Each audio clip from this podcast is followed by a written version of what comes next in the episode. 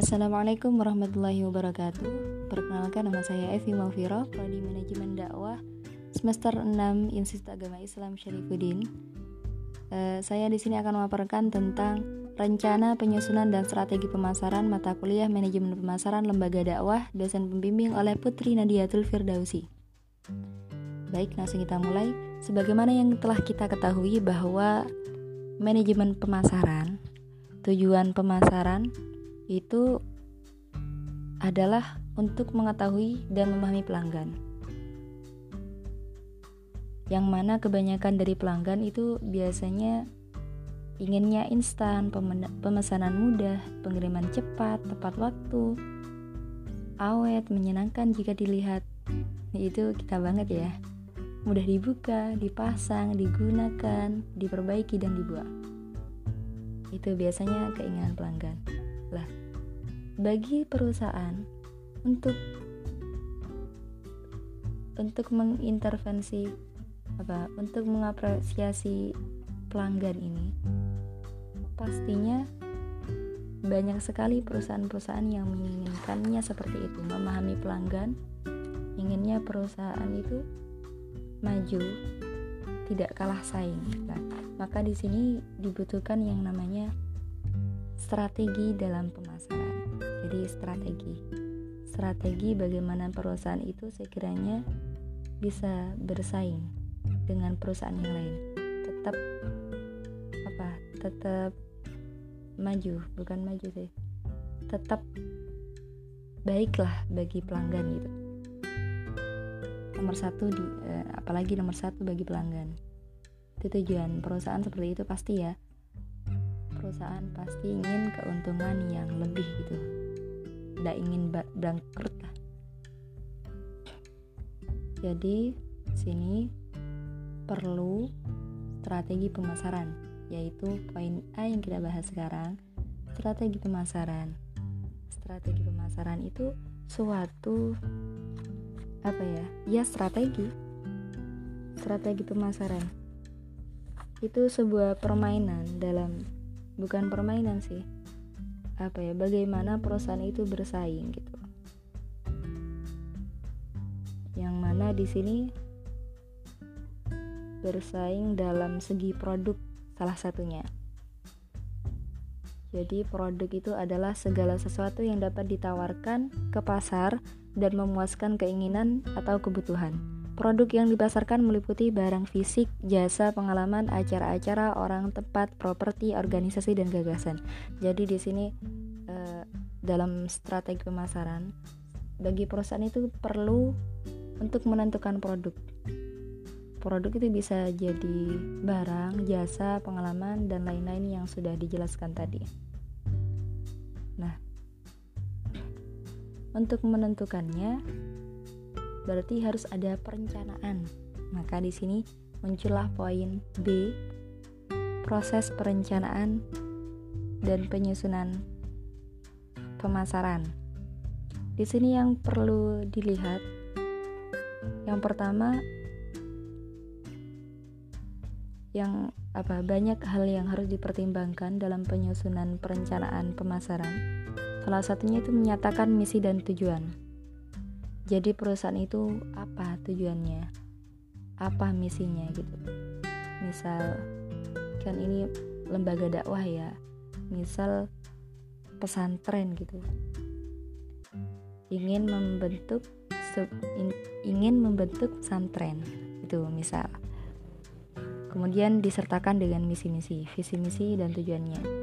Kemudian B sertakan ringkasan finansial yang mengilustrasikan untuk seluruh periode perencanaan. Jadi, selain dalam menyatakan tujuan, misal pesantren tadi itu harus mengilustrasikan harus bagaimana pesantren ini ke depannya gitu. Kemudian yang ketiga, melakukan kajian pasar. Jadi, melakukan kajian pasar ini targetnya siapa, apakah pasar menurun atau meningkat, bagaimana pasar, bagaimana pasar dipecah menjadi segmennya, trending apa yang ada di setiap segmen. Gitu. Jadi perlu pengkajian pasar itu perlu. Itu ya perlu. Maka dalam mengkaji ini harus ada poin D identifikasi segmen kunci dan melakukan analisis SWOT kekuatan, kelemahan, peluang dan ancaman. Jadi kira-kira kalau membangun pesantren itu harus bagaimana, peluangnya bagaimana gitu, kelemahannya bagaimana, ancamannya itu bagaimana kalau tidak seperti ini gitu. Kalau tidak sesuai dengan tujuan itu seperti apa? Nah, itu setidaknya membuat faktor lah, faktor pengaruh eksternal dan internal. Jadi faktor penentu keberhasilan kurang lebih dari 5 atau 6 faktor. Kemudian yang E membuat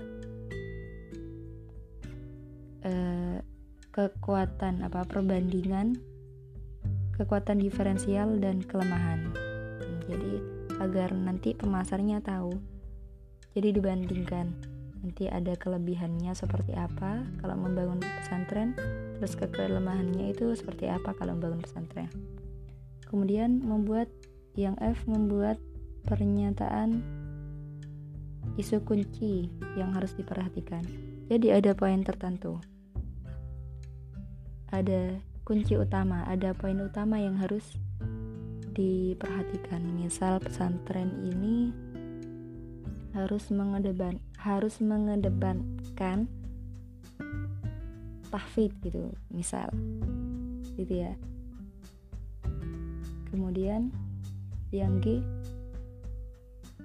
tadi kan sudah menganalisis SWOT ya. Jadi habis itu harus diilustrasikan yang menghubungkan antar poin gitu. Tadi kan analisis kekuatan kelemahan itu sudah kemudian kunci poin utamanya itu tahfid gitu misalnya. Jadi harus dihubungkan. Kekuatan apa bagi pesantren itu apa yang memperkuat ketika anak didiknya hafal Al-Quran gitu. Dan selanjutnya ya kekuatan, kelemahan, peluang, dan ancaman. Kemudian setelah semuanya itu selesai maka poin H membuat daftar asumsi. Jika perusahaan melakukan ini berdasarkan SWOT tadi ya. Jadi membuat daftar asumsi. Jika perusahaan melakukan seperti ini, maka jadinya nanti seperti apa gitu. Kok perusahaan? Tadi contohnya pesantren ya. Kalau misalnya pesantren membuat seperti ini, bertindak seperti ini, maka nanti ke depannya seperti apa? Itu harus diasumsikan. Kemudian yang I, membuat sasaran dan strategi harus tepat sasarannya gitu. Kemudian yang J membuat ringkasan persyaratan sumber daya selama periode perencanaan dalam bentuk anggaran. Jadi anggarannya itu juga ada ada semua ya. Begitulah proses perencanaan pemasaran. Kenapa bagi perusahaan itu harus perlu diperhatikan proses perencanaan dan penyusunan pemasaran ini sangat perlu karena perencanaan pemasaran dan penyusunannya ini memiliki manfaat. Yang mana di sini akan dibahas di poin C, manfaat perencanaan pemasaran. Di sini yang pertama, perencanaan tadi ya sesuai dengan prosesnya itu bertindak sebagai peta. Maksudnya apa? Ya sebagai acuan sebagai acuan lembaga. Nanti harus seperti apa gitu. Pemasar itu harus berbuat apa gitu. Jadi bertindak sebagai peta. Bukan beta ya yang didora itu bukan. Kemudian yang dua membantu manfaatnya itu membantu dan mengkontrol manajemen. Kan sudah jelas kan kalau sudah rencananya ditentukan maka nanti manajemennya bisa dikontrol. Sesuai nggak? Gitu. Sesuai apa enggak gitu. Yang ketiga manfaatnya perencanaan itu bisa memberi informasi peran dan fungsi di setiap anggota baru. Nanti kan setiap proses itu apa? Ada karyawan yang baru gitu.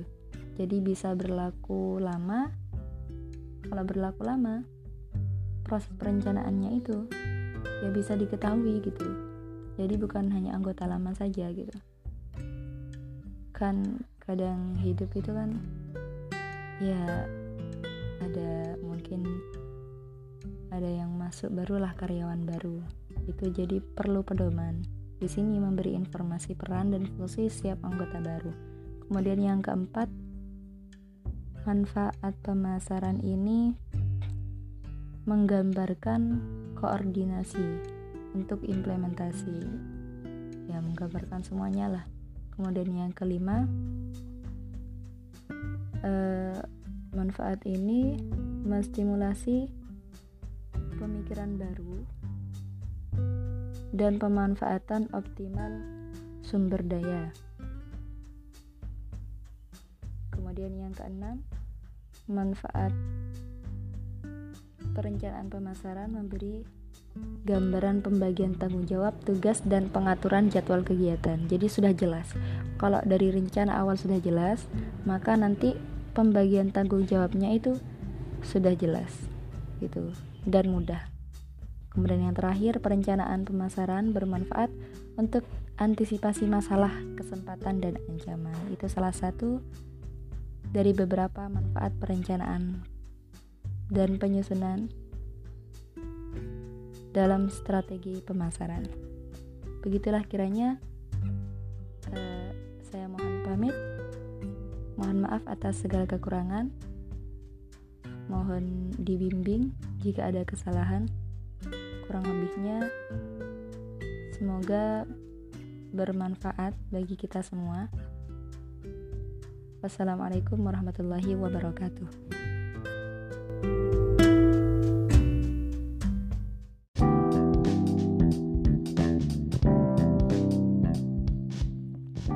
Assalamualaikum warahmatullahi wabarakatuh. Perkenalkan saya Evi Mafiroh Prodi Manajemen Dakwah semester 6A Institut Agama Islam Syarifuddin.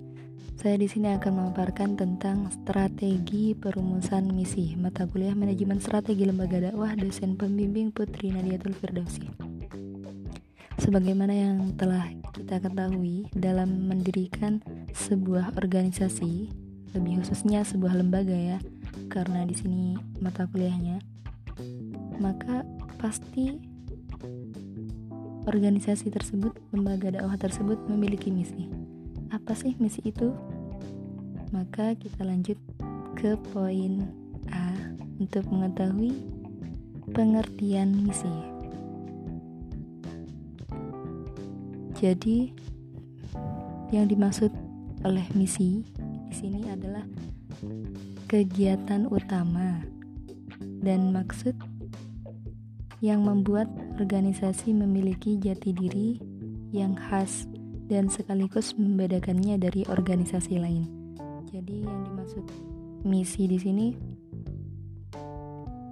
sebuah tujuan ya, sebuah tujuan yang mana dengan misi ini sebuah lembaga dakwah tahu apa yang harus dilakukan ke depannya. Perbedaannya visi dengan misi kalau visi itu lingkup globalnya kalau misi itu langkah-langkah untuk mencapai visi gitu. Jadi di dalam misi ini harus dirumuskan dengan baik. Misalnya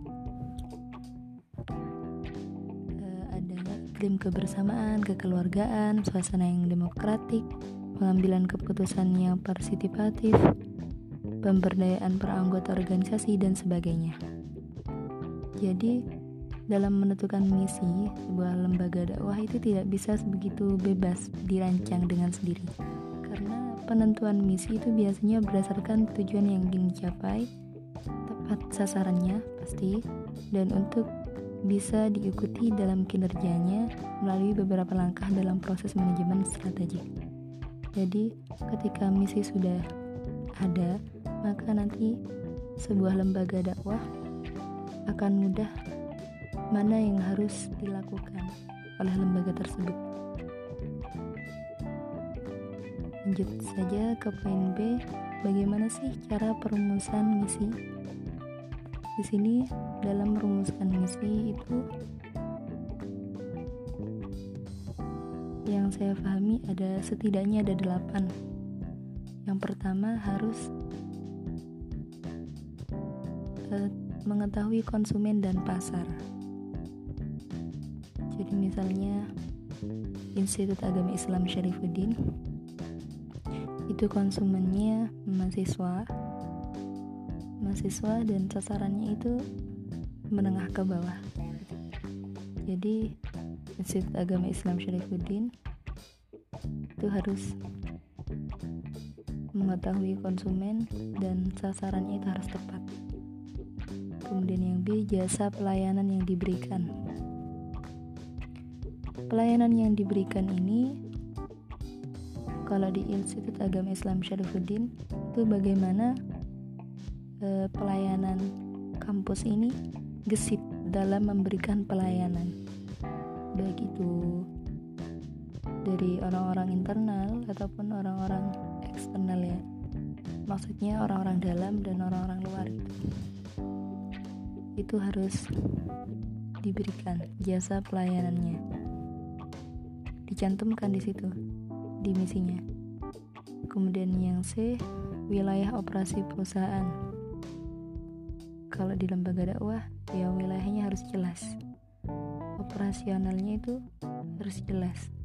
Jadi di Institut Agama Islam Syarifuddin ini merumuskan misi yang mencantumkan operasi wilayah mana yang harus dilingkupi begitu. Kemudian yang di teknologi yang akan dimanfaatkan. E, di jadi di Institut Agama Islam Syarifuddin itu ada misi yang memaparkan bahwa di institut ini tidak bakal gagap media gitu misal contohnya. Itu biasanya apa promosinya KPI ya. Teknologi yang akan dimanfaatkan itu sudah ada di misinya kan soalnya sekarang sekarang itu kan apa hampir semuanya tidak ada yang tidak punya handphone, smartphone. Jadi mengikuti perkembangan zaman. Kemudian yang poin E pemantapan keberadaan organisasi. Jadi Institut Agama Islam Syarifuddin ini ada di Lumajang atau ada di mana. Jadi harus uh, dimantapkan keberadaannya. Ya sudah mantap ya Institut Agama Islam Syarifuddin ada di, di Lumajang, di Wonorejo Lumajang tepatnya. Kemudian yang F, filsafat yang akan diterapkan. Apa? Kenapa sih? Misal Institut Agama Islam Syarifuddin itu mendirikan kampus yang berbasis pesantren. Nah, itu kan salah satu uh, prinsipnya kampus ya. Filosofinya itu karena karena pesantren ada dulu kemudian kampus uh, setelah adanya pesantren kemudian mendirikan kampus maka kampus itu berbasis pesantren gitu. Maksudnya apa? Ya ahlaknya ahlak pesantren gitu. Pokoknya semuanya itu. Kemudian yang G pengenalan jati diri perusahaan secara mantap. Jadi di sini jati diri. Ya kalau kampus kan siapa yang nggak tahu gitu. Jadi lewat media sosial gitu. Itu biasanya kan prestasi-prestasi yang diraih itu diiklankan dipromosikan gitu. Itu loh yang sudah uh, pernah juara di ASEAN gitu. Atau itulah yang pernah juara KTI nasional gitu. Jadi pengenalan dikenalkan dengan betul-betul. Kemudian yang terakhir citra yang akan diproyeksikan ke masyarakat luas. Jadi untuk membangun citra bagi kampus itu eh, bagi kampus dalam seluruh kegiatan organisasi itu mempertanggungjawabkan berdasarkan norma sosial harus moral dan etika yang berlaku di masyarakat di mana organisasi ini bergerak. Jadi citra itu ada ketika kampus IAI Syarifuddin ini mempertanggungjawabkan gitu mempertanggungjawabkan berdasarkan norma sosial yang berlaku di masyarakat begitu sekiranya. Mohon maaf atas segala kekurangan. Wassalamualaikum warahmatullahi wabarakatuh